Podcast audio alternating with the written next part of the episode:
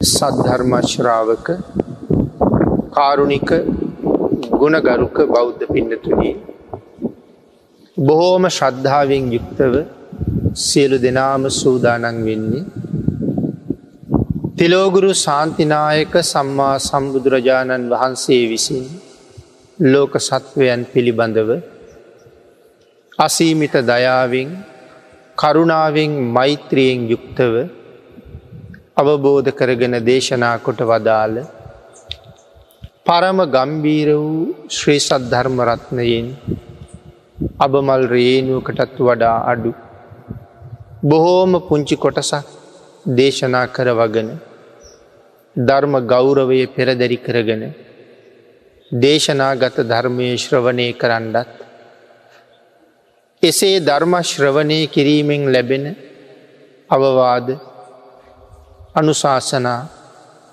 තම තමන්ගේ ජීවිතවලට එකතු කරගෙන වඩාත් නිවැරදි මෙලව ජීවිතයක් සකස් කර ගණ්ඩත් ඒ තුළින් සුගතිගාමී වූ පරලොව ආයිති භවයකින් සැනසෙන්ඩත් අවසානයේ ප්‍රාර්ථනා කරන බෝධීෙන් සැප සහිත ප්‍රතිපදාවෙන් ඉතාම ඉක්මං භවයක උතුම් චතුරාර් සත්‍ය ධර්මය අවබෝධ කරගෙන සසරින් එතරවීමේ බලාපොරොත්තුවත් ඇතුවයි. මේ උතුම් සද්ධර්මදානානි සංසයත් ධර්මශ්‍රවනානි සංසයත් ඒ බලාපොරොත්තු ප්‍රාර්ථනා මුදුන් පත් කර ගැනීම සඳහාම හේතු වාසනාවේවා කියල ප්‍රාර්ථනා කරනවා. පිඩතුනි අදත් ධර්මදේශනාවේ මාතෘකාව හැටියට අපි යොදාගන්නේ පරාභව සූත්‍ර දේශනාවමයි. මේ උතුම් වූ පරාභව සූත්‍ර දේශනාව ඇසුරු කරගෙන මීට කලින් අපි ධර්ම දේශනා දෙකක් සිදු කරන්න යෙදුනා. ඒ දේශනා දෙකම සිදු කරන්න යෙදුනේ පරාභව සූත්‍ර දේශනාවේ ආරම්භයට හේතුවෙච්ච කරුණුත් ඒ වගේම මේ සූත්‍ර දේශනාවේ භාග්‍යතුන් වහන්සේ දේශනා කොට වදාළ පළවෙනි පිරිහීමේ නිමිත්ත මුල් කරගත්ත කරුණු කීපයකුත් තමයි අපි සාකච්ඡා කරන්න යෙදෙන. ඒ පළවෙනි ගාථාරත්නය නැවත වතාවක් සිහිපත් කළොත් සුවිජානෝ භවන් හෝතිී සුවිජානෝ පරා බවූ දම්ම කාමෝ භවන් හෝතිී දම්ම දෙස්සී පරා බවූ කියන ගාථාරත්නයෙන් තමයි අපි දෙවැනි දේශනාව සිදු කරන්න යෙදන. ඒ ගාථාරත්නය යටතේම මේ ධර්ම කාමයා සහ ධර්ම දේශයා හඳුනගන්න හැටිත් ධර්මයට දවේශී වූ පුද්ගලයා මේ සසර කොයි තරං අසරණ වෙනවද කියන කාරණාවත් අපි එදත් සාකච්ඡා කළා එහි තවත් කරුණු කීපයක් තමයි අද මේ ධර්ම දේශනාවෙන් සාකච්ඡා කරන්න බලාපොරොත්තු වෙන්නේ. පහුගිය ධර්ම දේශනාවේ අපි සිහිපත් කළා මේ ධර්ම දේශී පුද්ගලයා කියල සඳහන් කරහම දස අකුසල කර්ම පතයන්ගෙන් යුක්තයි නං යම් කෙනෙක් ඔහු ධර්මයට දවේශී වූ පුද්ගලයෙක් කියන බව. ඒ කාරණාව පාදක කරගෙන අටමහා නිරය මොනතරං දුක් සහිතද. දස අකුසල කර්මපතයෙන් යුක්ත කෙනා මේ අටමහා නිරේ ඉපදිලා මොනතරං දුකක් විඳිනවද කියන කාරණාව අපි බෝම ස්වල්ප වසයෙන් සාකච්ඡා කරන්න යෙදලා. දසා කුසල කර්මපත අපි එදත් මතක් කළා. නිතර නිතර බනාහල අපේ පින්නතුන් හොඳට දන්නවා. කයින් කරන වැරදි තුනයි වචනයෙන් කරන වැරදි හතටයි හිතින් කරන වැරදි තුනයි. මේවට තමයි දසාකුසල් කෙල කියන්නේ. ප්‍රාණගහත අදත්තාදාන කාම මිත්‍යාචාර මුසාවාද පරුස වචන පිසුන වචන සම්ප ප්‍රලාප අවිද්‍යා ව්‍යාපාද මිත්‍යා දෘෂ්ටි. අපේ භාගිතුන් වහන්සේ දේශනා කොට වදාළි යහපත් වූ සත්පුරුෂයා විසින්. සසර දුකට අකමැති පුද්ගලයා විසින්. හැම මොහොතකම මේ දසා කුසලයන්ගෙන් අයින් විය යුතු බව. යමෙක් දසාකුසල් වලින් යුක්තනං ඔහු සත්පුරුෂ ගණයහිලා සැලකීම නොහැකි දෙයක්. සත්පුරුෂය කැටියට ඔහු සලකන්න බෑ. පුුණ්‍යවන්තය කැටියට ඔහු සලකණ්ඩ අපහසුයි. ඉන්නතුන මේ කාරණාව අපිත් නැවත හිතන්ඩ වටිනවා. සමහර අයදිහා බලල පන්සිල් ආරක්ෂා කරන්න නැති. සමහර වෙලාවට තිසරණ සරණත් නැති පෝයට උපෝසත සිල් සමාදන් වෙන්නේ නැති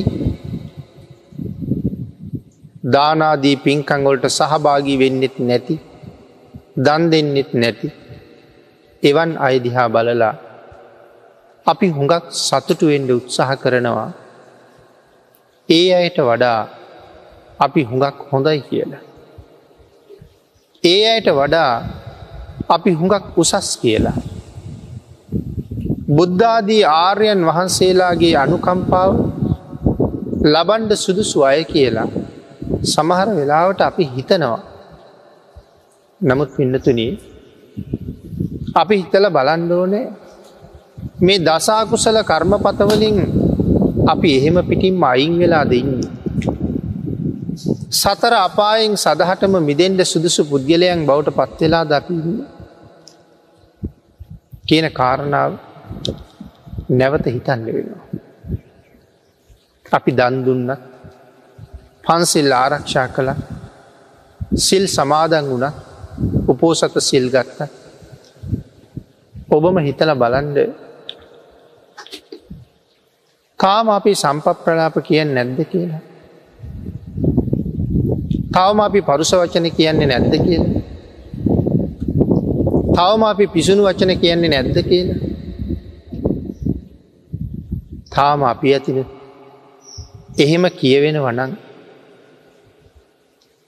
අපි හොඳයි කියලා අපි තීරණය කරලා තියෙනවා මිසක්. ආර්යන් වහන්සේලත් අපි හොඳයි කියලා තීරණය කරයි කළ හිතනවද. මුසාවාදයෙන් වලකිනවා වෙන්න පුළුවන්. ඒ වුණට පරුස වචනයෙන් වැලකිලාන්නේ. එහෙම කියහම කෙනෙක් හිතන්න පුළුවන් ඉතින් අපි පරුසවචන කියන්නේ නෑන කියලා.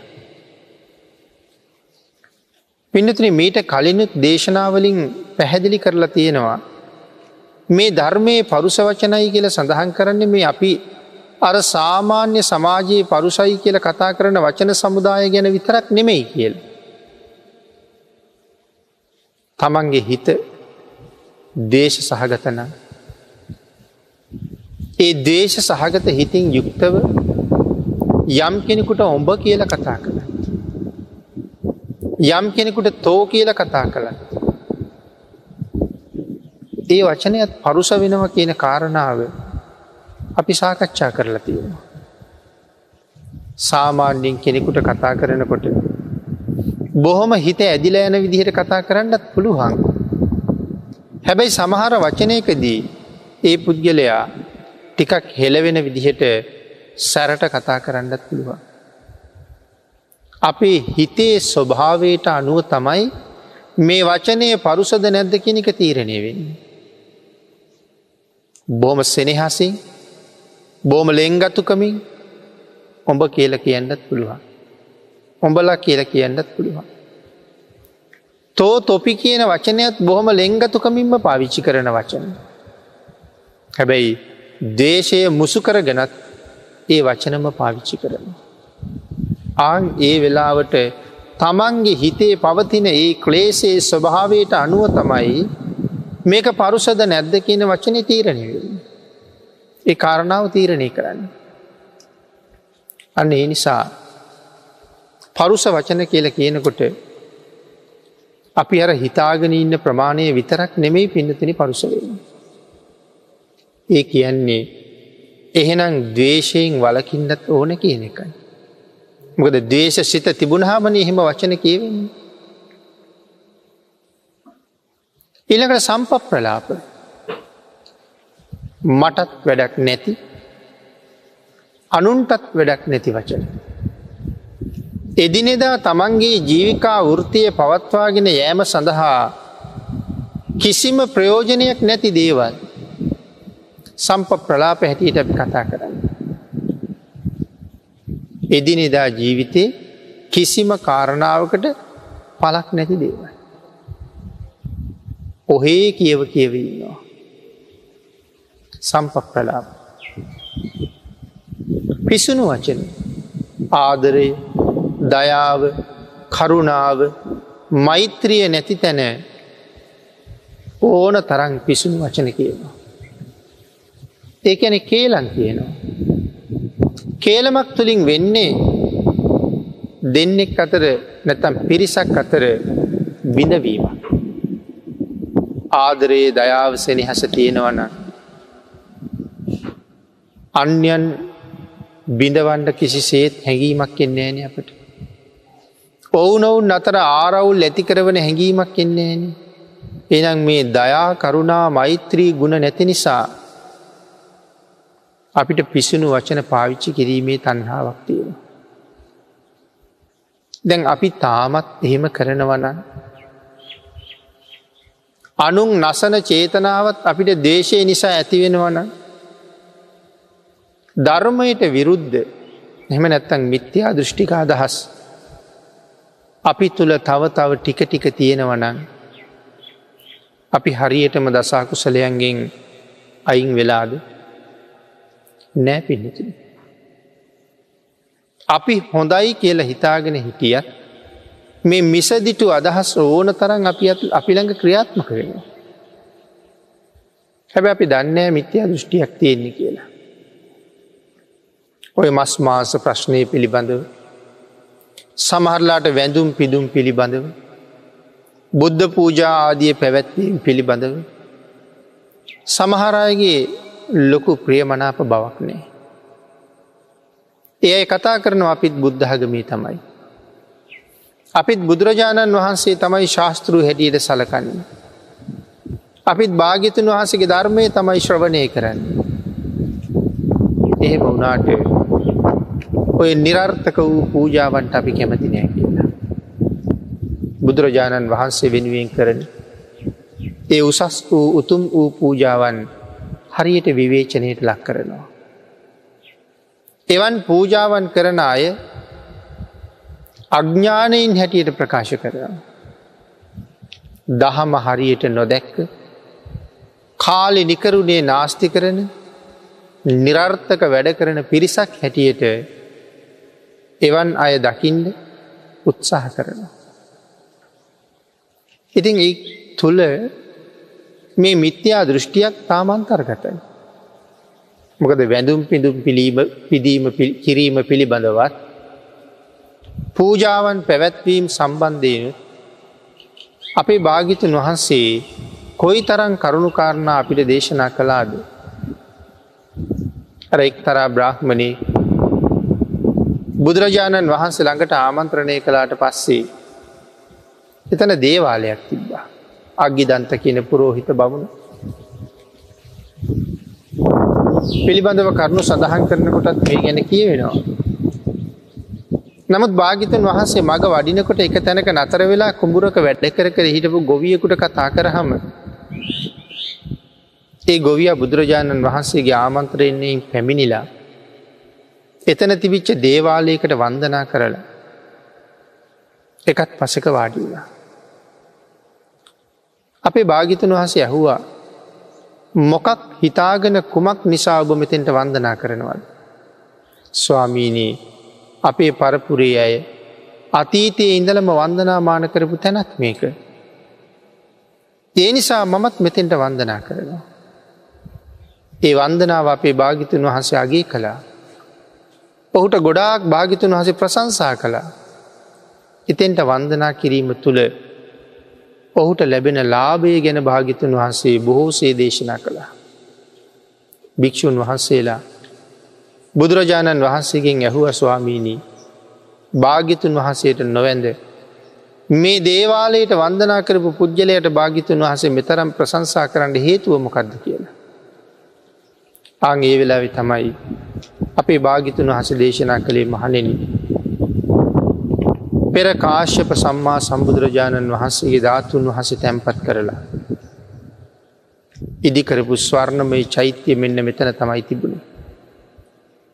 ඒ චෛත්‍ය පිහිටපු තැනට කරන වන්දනාවත් ඉතාම උසස් කියලා.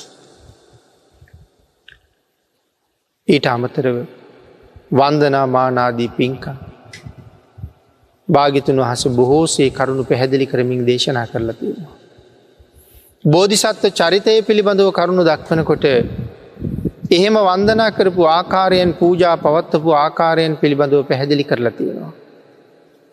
ගංගාරෝහණ පූජාවිදිත් එවන් කාරණා රාශියක් පැහැදිලි කරනවා භාගිතුන් වහන්සේට මේ තරන් උසස් ගෞරවයක් ලැබුණ මොන හේතුව නිසාද කියන කාරණාව පැහැදිලි කරන තැන.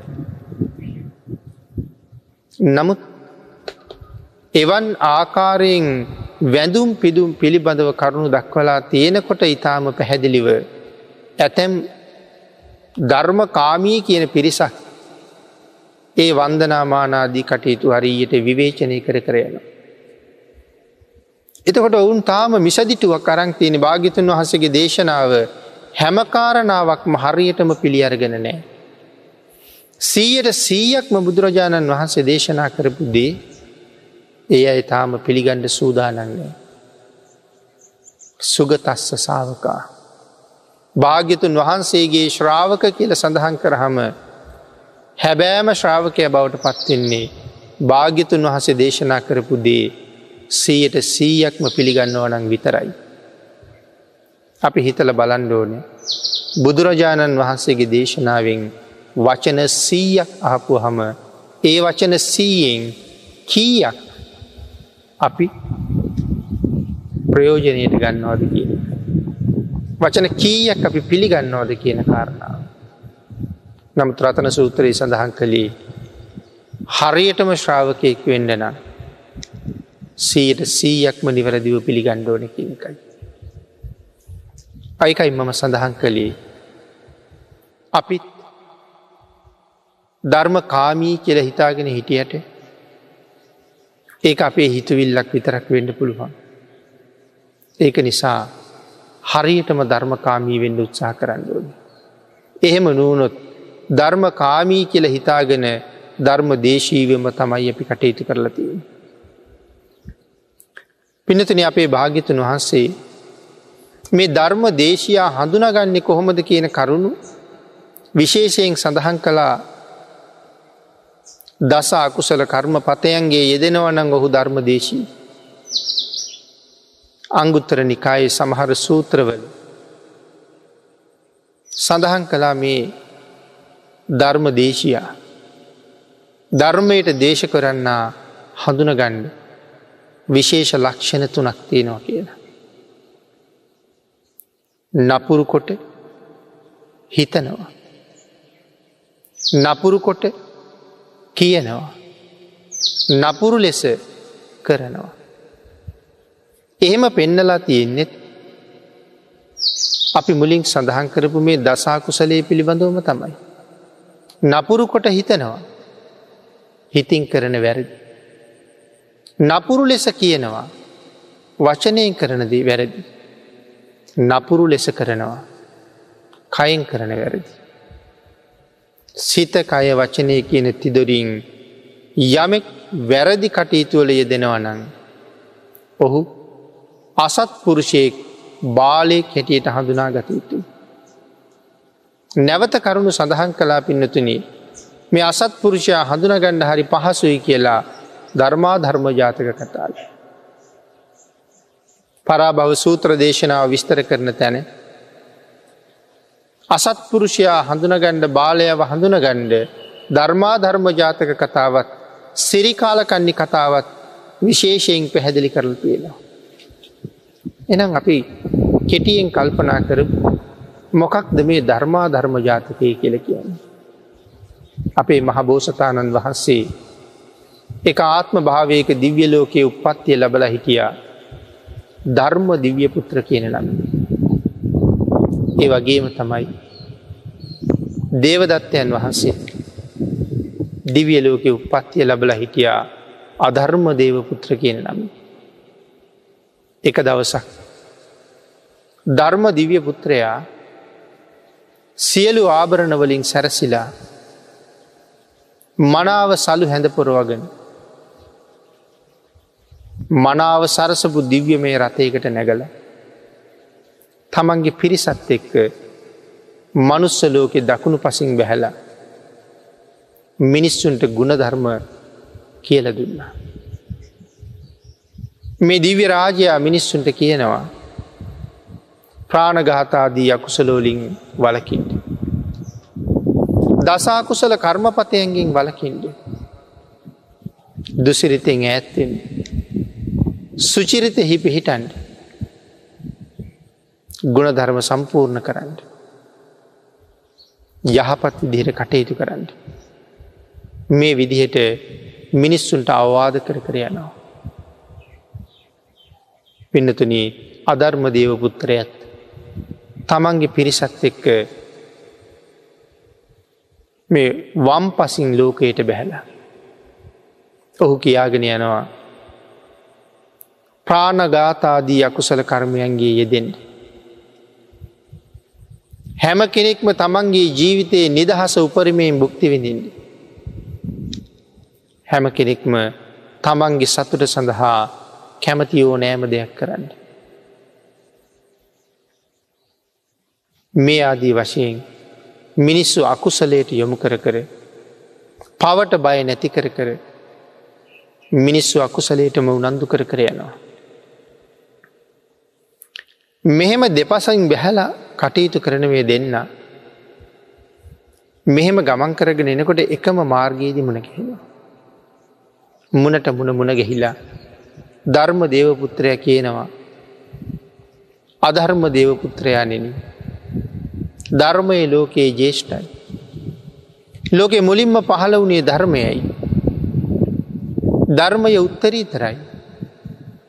එනිසා ජේෂ්ඨ වූ මට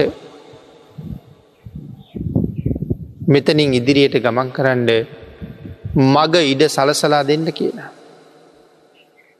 අධර්ම දේවපුත්‍රය සඳහන් කරනවා. ධර්මය ජේෂ්ඨ වනාට අධර්මය තමයි ලෝක ප්‍රබල. ඒ නිසා මටයි මුලින්ම මග ඉඩ හදල දෙන්නඩුව.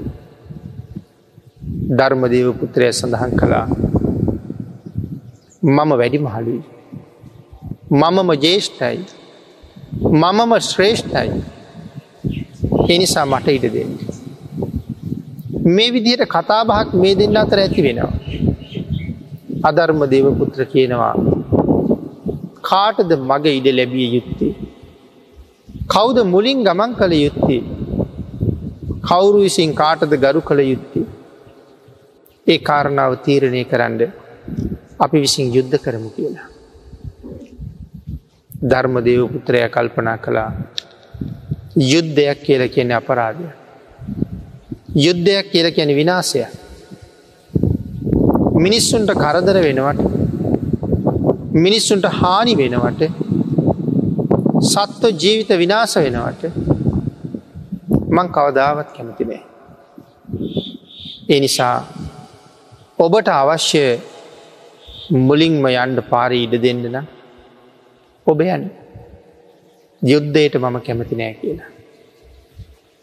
අධර්ම දේවපුත්‍රයා ධර්ම දේවපුත්‍රයාව පසු කරලා තමන් දිනුව කියල හිතාගෙන බොහොම උජාරුවෙන් එතනින් පිටක් වුණා.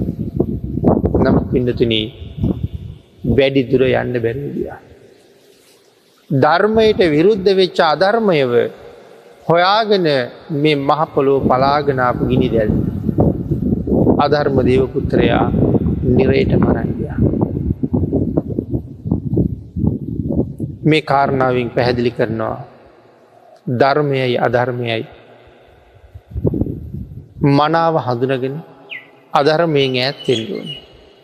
කොහොමද අධර්මය හඳුන ගන්න පාපයට බරයි. අකුසලයට බරයි. වැරැද්දට යොමු වෙලයින්න. වැරදි ක්‍රියාවට එළඹිලා ඉන්නේ ඒ නිසා අධර්මය හඳුන ගන්න කියලා. ධර්මය යමෙකුට ලැබුණන. යමෙක් ධර්මානුකූල වනානං ඔහු කවදාවත්. තවත් කෙනෙකුට හානියක් වෙන විදිහේ වැඩක් කරන්නෙත් නැහැ තමන්ට හානි වෙන විදිහේ වැඩ කරන්නෙත් නෑ. මේ කාරණාවත් පැහැදිලි කරලා. අපි මුලින් සඳහන් කරපු සිරි කාලකන්නි ජාතකයත් මෙතෙන්ට ගෙනහැර දක්වලා තියෙනවා. අපි ඒ පිළිබඳවත් කරුණු ටිකක් සාකච්ඡා කරමු. මොකදද මේ සිරි කාලකන්නි ජාතකය කියල කියන්නේ. පින්නතුනි මේ ජාතක කතාව අපේ භාගිතුන් වහස දේශනා කරන්නේ අනාත පින්ඩික සිටිතුමා මුල් කරගෙන. අනාත පින්ඩික සිටිතුමා පිළිබඳව ඔබ ඕන තරන් කරුණු කාරණා දන්නවා. අනාත පින්ඩික සිටිතුමා සෝවාන් විච්ච කෙනෙ. අනාත පින්ඩික සිටිතුමා සෝවාන් කියල කියන්නේ කවදාවත්ම පන්සිල් උල්ලංඝනය කරන්නේ නැති කෙනෙක්න පින්නතුන. මනාව පන්සිල් ආරක්ෂා කරගත්තා. ඒ උතුම් සීලේ මත දිවි හිමියෙන්ම පිහිට ලයින්න. සිටතුමා විතරද සිටතුමාගේ බිසවත් හිම්මම තමයි. සිටතුමාගේ දරුවත් ඒ වගේම තමයි. සිටතුමාගේ සේවක සේවිකාවෝ දැසි දස්සු මේ හැම කෙනෙක්ම එක දිගටම පන්සිල් මත පිහිටපුුවයි. කවුරුවත් සිල් උල්ලංඝනය කරන්නන් මේ මාලිගාවවත් සිටිතුමා යටතෙවත් නෑ. එහෙම උනා කියල කියන්නේ ඔවුන් හැම කෙනෙක්ම මරණින් පස්සේ සුගතියේ උපදින්නන් කියන එක නේද පිළිති. සත්පුරුෂයෙක් ඇත්සුරු කරන නිසා. ධර්මයට කැමති දහම් කාමී ඇසුරු කරන නිසයි සතරාපායේ දුර ඔවුන් සියලු දෙනාටම වැහිලතිය. ඉතින් භික්‍ෂූන් වහන්සේලා දම් සභාව සාකච්ඡා කළා අනාත පින්ඩික සිටු මාලිගාව සියලු දෙනාම උතුම් වූ තෙරුවන් සරණ ගිල්ල පන්සිල් ආරක්ෂා කරන අයනේ දෙකිය. අපේ බුදුරජාණන් වහන්සේ මේ වෙලාවේ ධර්ම ශාලාවට වැඩම කරලා භික්‍ෂූන් වහන්සේලාගෙන් විමසා මම එන්න. මොනවාගේ කාරණාවක් සාකච්ඡා කරමින් හිටිය ඇදකිව. භික්‍ෂූන් වහසල සඳහන් කළා ස්වාමීණි භාගිතුන් වහන්සේ. අනාත පින්ඩික සිටුමාලිගාව සියලු දෙනාම සිටතුමා වගේම ධාර්මිකව ගුණධර්ම ආරක්ෂා කරන්න යොමු වෙලා ඉන්න බවයි අපි සාකච්ඡා කළීද. ආගේ වෙලායි බුදුරජාණන් වහන්ස දේශනා කලා මහනිනී. මේ කාලෙ විතරක් නෙමේ. පෙරත් සත්පුරුෂයන්ගේ ඇසුරට යොමු විච්චාය මේ විදිහටම ගුණ පිරුව කියලා. ස්වාමීණි භාගිතුන් වහන්සේ පෙරත් එහෙම ගුණපුරන්ඩ ඇසුරු කරපු සත්පුරුෂූ යුත්නම් එවන් අයගෙන අපිට දේශනා කරන්න කියලා ඉල්ලීමක් කරහම අපේ භාගිතුන් වහස මේ සිරි කාලකන්නේ ජාතක කතාව දේශනා කොට වදාළ. මේ ජාතක කතාව සඳහන් කරනවා. එක්තරා සිටුවරය කියන. ඒ සිටුවරයගේ නම සුචි පරිවාර. ඇයි මේ පුද්ගලයට සුචි පරිවාර කියල කියන්න. මේ සිටුවරයගේ පවුලෙ සියලුම දෙනා මැනවින් පන්සිල්ලා ආරක්ෂා කළ. සිටුවරයත් එහෙමයි ස්වාමිදීනියත් එහෙමයි දවාදරුවොත් එහෙමයි දැසි දස්කම් කරුවාදී සියලු දෙනාමත් එහෙමයි. මේ සුචි පරිවාර සිටුවරයා එක දවසක් කල්පනා කළා යම් දවසක මගේ නිවහනට මම වගේම උසස් ගුණපුරණ යම් සිටුවරයෙක් බ්‍රාහ්මණයෙක් අවුත් මේ අනික් යනේන අයට වාඩිවෙන්ඩ දෙන මේ ආසන සැතපෙන්ඩ දෙන මේ යහනාවල් එවන් සුපිරිසිදු පුුණ්‍යවන්තයන්ට දෙන එක සුදුසු මදි. මම සැතපෙන ආසනයත් මමවාඩි වෙන ආසනයත් ඒ අයට දෙන්න මම කැමතිත් නැහැමොකද මාවිසින් ඉඳුල් කරපු දේ එවන් උත්තමාංග ගුණයන්ගෙන් යුක්තායට පිළිගන්වන්න මං කැමතිනෑ. ආංගිහිම කල්පනා කරලා. මේ සුචි පරිවාර කියන සිටුවරයා. ගුණධර්ම තියෙන ආගන්තුකයෙක් අවුත් ඔහුට දෙන්ඩ අලුත් යහනකුයි අලුත් කුටුවකුයි සකස් කරලා තමන් සැතපෙන තැනින්ම තැන්පත් කළ. මේ කාලකන්නේ කියන දෙව්දුව කාලකන්නි කැනෙ දෙව්දුව. එකැන විරූල්හක කියන දිව්‍ය රාජයාගේ දුවක් කෞද විරූල්ලක කියල කිය. සතර වරක් දෙවි රජවරුන්ගේ එක දුව. විරුල්හක කියන සතර වරක් දෙවියන්ගෙන් එක්කෙන. කාලකන්නි කියල කියන්නේ ආංගේ විරුල්හක දෙවියන්ගේ දුව. සාමාන්‍යයෙන් මේ අයි නාණ්ඩ යන්නේ අනව තප්ත විට. ඉතින් ඒ විල් පිළිබඳව විශේෂ විස්තර ධර්මය සඳහන් කරලා තියෙන. අපි මීට කලින් ධර්ම දේශනාවල් වල චද්දන්ත විල ගැන කුණාල පොකුණ ගැන මන්දාකිනි පොකුණ ගැන කරුණු යම් යම් ප්‍රමාණයන්ගෙන් සාකච්ඡා කරලා තියෙනවා ඔබ අහල ඇති ඔබට මතක ඇති. ඉති මේ දෙවිවරු ඔය අනවතප්ත විලට නාන්ඩේනවා. අනවතප්ත විලේ තියෙනවා මේ නාන්ඩ බහින්න තොටු පොළවල් ගණනාව. ලෝතුරා සම්මා සම්බුදුවරු පැන් සැනසෙන තොටු පොළ වෙනමතිය. පසේ බුදුරජාණන් වහන්සේල පැන් සැනසෙන තොටු පොළ වෙනම තියෙන. මහරහතන් වහන්සේලගේ තොටු පොළ වෙනම තියෙන. ආං ඒ වගේම පින්නතුනී. සදිව්‍යලෝකයේ දෙවියන්ගේ තොටු පොළවල් වෙන වෙනම තියෙන. දෙව් දූවරුන්ගේ තොටු පොළවල් වෙන වෙනම තිය. මෙන්න මේ විරෝල්හක දෙවියන්ගේ දුව කාලකන්නේ නැමති දිව්‍යාංගනාව දෘතරාෂ්ට කියන දිව්‍යරාජයාගේ දුව ලක්ෂ්මී කියන දිව්‍යාංගනාවත් එක දවසක් නාන්ඩ. ඔවුන් දෙදෙනාම නාන්ඩ එකටමයි එකට මාවට පස්සේ කාලකන්නි කියන දෙව්දුව කියනවා මම තමයි ඉස්සරනාන්ඩුව. ලක්ෂ්මි කියනවා නෑ මමයි ඉස්සල්ලනාන්ඩුව. මමයි මුලින්ම නාන්ඩ සුදුසු කෙනා කියන. මේ විදිහට මේ දෙන්න අතර වාදයක් ඇතිව. එකම දිව්‍යලෝක මහරජවරු හතර දෙනාගේ දියනිවරු දෙන්න. නාන තොටු පොළ සම්බන්ධයෙන් මුලින් නාන්නේ කවුද පසුව නාන්නේ කවුද කියන කාරණාව සම්බන්ධයෙන් වාදය. ඔවුන් දෙන්න අන්තිමට තීරණය කලා මේ වාද ඉවර වෙන්නේ. අපි ගිහිල්ලා සතරවරං දෙවියන්ගෙන් අහමු ඉස්සරලම නාන්ඩ සුදුසු කවුද කිය. ඔවුන් දෙන්න මුලින්ම ගියේ දෙන්නගේම තාත්තලාඟට කාලකන්නේ තමන්ගේ තාත්තළඟට ගිය ලක්ෂ්මි තමන්ගේ තාත්තළඟට ගිය.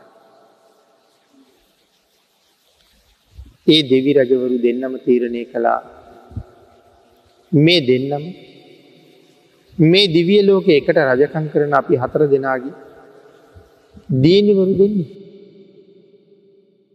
මගෙදුව හොඳයි කියල කියන්නත් මට බැහැ. මේ විදිහට දෙවියෝ දෙන්නම කල්පනා කළා තමන්ගේ දුව හොඳයි කියල කියන්න. ඒනිසා ඉදින්න තීරණය කළා අනිත් දිව්‍ය රාජවරු දෙන්නට මේ දෙන්න බාර දෙන්න. කෞද ඉස්තරලා නාන්ද සුදුසු කියලා අහලයින්ද කියලා. ඒ දෙවිවරු දෙන්න තීරණය කළා. අපේ සහෝදර දිව්‍ය රාජවරු දෙන්නගේ දියනිවරු දෙන්න අතර අරගලය. මේ දෙන්නගෙන් කවුරු මුලින් නෑව යුතුයි කියලා අපි සඳහන් කළ අන්න අය අපිත් කමන අප. එනිසා මේ පැනයට විසඳුම අපි හොයන්නේ නැතුව. අපි මේ පැනේ භාරදිමු සක්‍ර දේවේන්ද්‍රයන් වහන්සේට.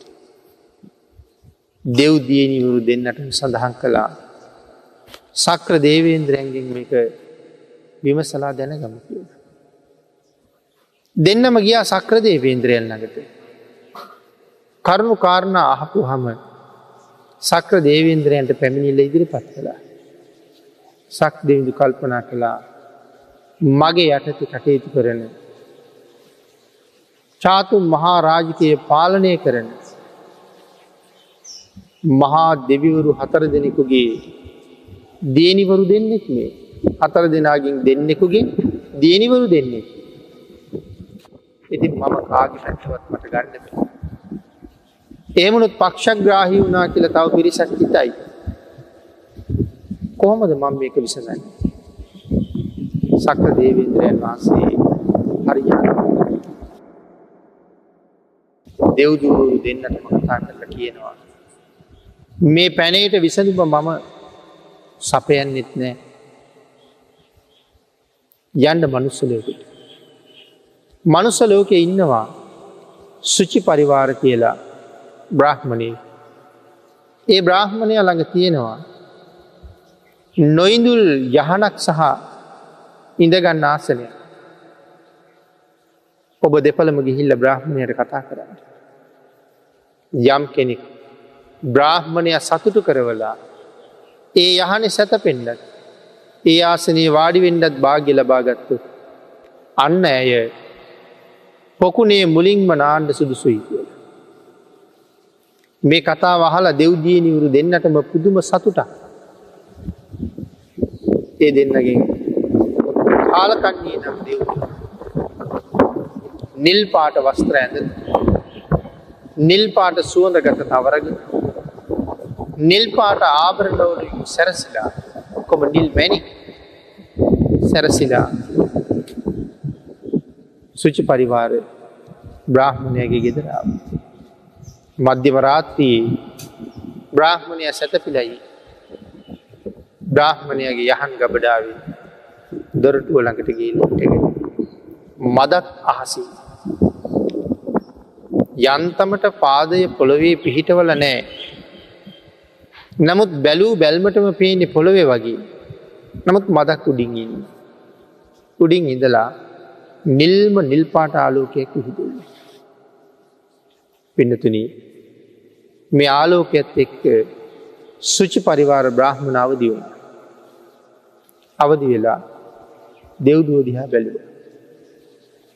බලල කතා කරලා අහනවා නිල්ම නිල්පාට ආලෝකයක් විහිදෙන කළුම කළුපාට පෙනුමක් කියන. නිල්පාට නිසාමයි තද නිල්පාට නිසයි මෙතන කළු පාට කෙර කිය. ඔබ කාගි කවුද්ද මොකට ආවද කිය. සඳහන් කරනවා සිටතුමනි මම තමයි කාලකයි. විරූල්හක දිව්‍යරාජයගේ දුව මං ඔබ සමීපේට ආය විශේෂ කාරණාව කාරණාව මතක් කර මතක් කරලා. කරුණු සඳහන් කරහම සිරිතු මාහනවා. ඔබ කොයිවාගේ අයටද කැමති කියල. මනුස්ස ලෝකේ තම් මේ ලෝකයේ කොයිවාගේ අයට ඔබ කැමතිද කියලා? හුව. ඇය සඳහන් කරනවා මට චන්ඩි කියලත් කිය මට කාලි කියලත් කියනවා. මට කාල කන්නි කියලත් කියනවා. විරුල්ලක දිවිරාජයාගේ දුව කියලත් මට කියනවා. මම කොයිවාගේ අයට කැමතිද කියලා ඔබ මගින් අහන්න? මම කැමති ගුණ නැති අයට. ගුණ මකු අයට. අනුන්ගේ දොස් දකිින් එකට එක කියන මසුරුකම් කරන කපටිකම් කරන අන්සතු දේපල වනසන කළගුණ අමතක කරන අය මට බොහෝම ප්‍රියයි. අනුන් කරන දේට ඉහැලින් යමක් කරන්න කටයුතු කරන. අන්‍යන්ගේ දියුණුවට බාධා කරන ඒ වගේම තමයි. ඉතාමත්ම ලෝභ සහගත. කොයි වගේ සඳහන් කරනවා තන පතක් අගින් ගත්ත තෙල් බින්දුවක්වත්. තව කෙනෙකුට දෙන්ඩ කැමැත්තක් නැති තරන් ලෝභ වෙච්ච. යම් පුද්ගලයෙක් මේ ලෝකෙ ජීවත්වෙනවාද. එවන් අයට මං ගොඩා කැමති. තමන්ගේ දේපල වියදම් නොකරන. ඉතාම කපටිකමින් අන්සතු දේපල විතරක් වියදැන් කරව කරව ජීවත්වෙන් එවන් අයට මං බොහෝම කැමති. සිටුවරයක් කියනවා. එහනම් ඔබ කැමති එවන් අයටද මේ ලෝක. ඇය කියන ඔවු. මම එවන් අයට හරි කැමති. එතකොට මේ ඇය කාටද පින්නතුනි කැමතිී කියන්නේ. කෙටියම සඳහන් කළොත් ධර්මයට දවේශ කරන අයට මේ කාලකන්නේ එමනතං චන්්ඩී බෝම කැමතිී කියන එකයි. කාලි බොහොම කැමති එහෙමයිට. නමුත් සිටුවරය කියනවා මම කැමති නෑ එහෙමයිට. ඇය කියනවා මම දන්නවා. මම දන්න අවබ එහෙම අයට කැමති නෑ කියලා. හැබැයි සිටුවරය ඇයට කැමති නෑ කියල කියනකොට ඇගේ හිතේ ලොකු ගැස්මක් ඇතිවෙන. ඇගේ ගතේ වෙවලීමක් ඇතිවෙන. හේතු හේතුව තමයි සිටුවරයගේ යහන තමන්ට ලැබින්නේ. තමන්ට ලැබෙන්නේ නැහැ කියල කියන්නේ තොටුපොලේ මුලින්ම නාන්ඩ තමන්ට අවස්ථාව ලැබෙන්නේ නෑ. සිරි දෙව්දුවට තමන් පරාදයි කියන කාරණාව දන්න නිසා. නමුත් ඇය කියනවා. උඹේ යහන මට නුදුන්නට උඹේ පුටුව මට දුදුන්නට මගේ දිව්‍ය ලෝකෙ මට සැපසම්පත් නෑ කියල හිතුවද. මීට වඩා උසස් සුව පහසු යහනා ආසන ඇති නිසයි. මට එහෙම ආසන ඕන කරන්තියෙන. උඹේ ආසන අවශ්‍යන. එහෙම කියල පිටත් වෙලා යනවා. පිටත් කල පිටත් වෙලා යනවා වගේම ඇගේ බලාපොරොත්තුවත් සුන් වෙලා හිටියේ. ඇ ගියාට පස්සේ සිරි දෙව්දුවේ. රන්වන් වස්ත්‍ර ඇඳ රන්වන් ආභරණ පැළඳගෙන සිටු මාලිගාවට ඇවිල් බෝම ලස්සනට රන්වන් නාලෝකයක් විහිදවලා මහපොළේ මනාව පාද පිහිටවල හිටගත. සිටුවරයහනවා ඔබ කවු. ඇයි සඳහන් කරනවා මට කියන්නේ සිරි දෙව්දී කියලා.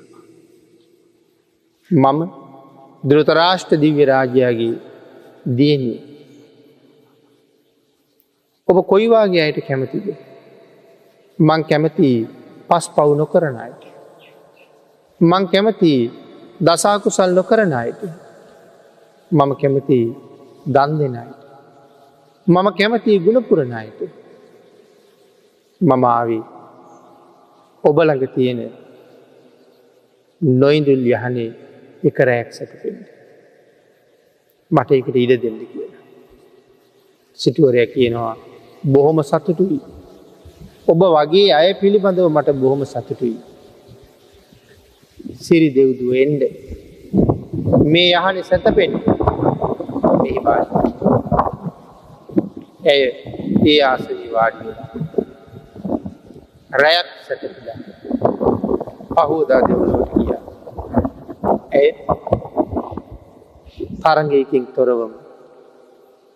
තොටුපොලේ මුලින්ම නාණ්ඩ අවස්ථාව හදාගත්තා.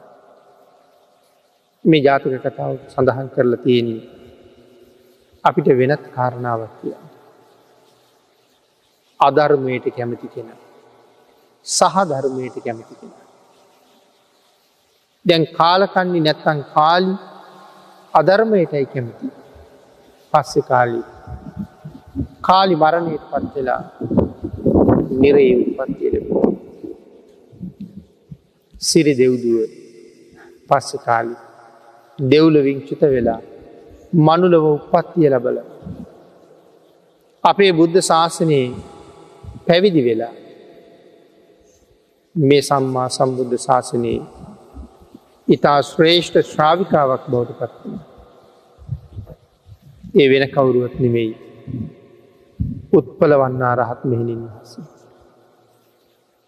එදා සුච්චි පරිවාර බ්‍රහ්මණය වෙලා හිටිය අපේ මහ බෝසතාණන් වහස. බෝසතාණන් වහන්සේ ඒ කාලෙ ධර්මයට කැමති අයට බොහොම ප්‍රිය. අධර්මවාදීන්ට අකමති. මේ ජාතක කතා දෙකින්ම අපට කියවුණේ අධර්මයට බරවුනානං ධර්මයට දේශී වුණානං යම් කෙනෙක් එය ඒ කාන්තයෙන් නිරයගාමී වෙලා උපත්තිය ලබ. යමෙක් ධර්මයට බරවුනානං ධර්මකාමී වුණානං ඔවුන් ඒ කාන්තයෙන් සුගතියෙන් සුගතියට ගමක් කරන. ඒ නිසා පිරිහීමේ දොරටු පැහැදිලි කරන තැන. ධම්ම කාමෝ භවන් හෝති ධම්ම දෙස්සී පරාබව් ධර්මයට ප්‍රේ කරන්න. ධර්මයට කැමති කෙනා. මේ ලෝකෙ දියුණුවෙන් දියුණුවට පත්වෙනවා විතරක් නෙමෙයි. සුගතියෙන් සුගතියට ගමන් කරනවා සතරාපායෙන් මගැරල. හැබැයි ධම්ම දෙස්සී පරාභ වූ ධර්ම දේශී උපුද්ගලයා මෙලවත් පිරිහෙනවා. පරලොවත් පිරිහෙනවා නිරයට ගිහිල්ලා බොහෝසේ දුක්විඳිනවා කියන කාරණාව අපට පැහැදිලි කරලා දේශනාකට වදාළ. ඒ නිසා පින්නතුන මේ උතුම් බුද්ධාන්තරයේ ලැබිල තියෙන වෙලාව ශ්‍රේෂ්ඨ මනුස්ස ජීවිතය ලැබිල තියෙන වෙලාව අපි හැම වෙලාම උත්සාහ කරන්න ඕනේ ධර්මයට පිටු පාන්නේ නැති. ධර්මයට ගරු කරන ධර්මයට හිස නමන ධර්ම කාමියෙක් බවට පත්වෙලා සතරාපායෙන් මගෑනලා සුගතියෙන් සුගතියට ගමන් කරලා සසර මග කෙරවල කරගන්න වැඩ පිළිවල සකස් කර ගැනීම සඳහා වහ වහා උත්සුක වෙනවා කියන බලාපොරොත්තු ඇති කරගන්නුව. ධර්ම කාමයා සුගතියට යන බවත් ධර්ම දේශයා නිරයට ගිහිල්ල අති දීර්ඝ කාලයක් අති භයංකාර කටුක දුක් අනුභව කරන බවත් තේරුම් අරගෙන.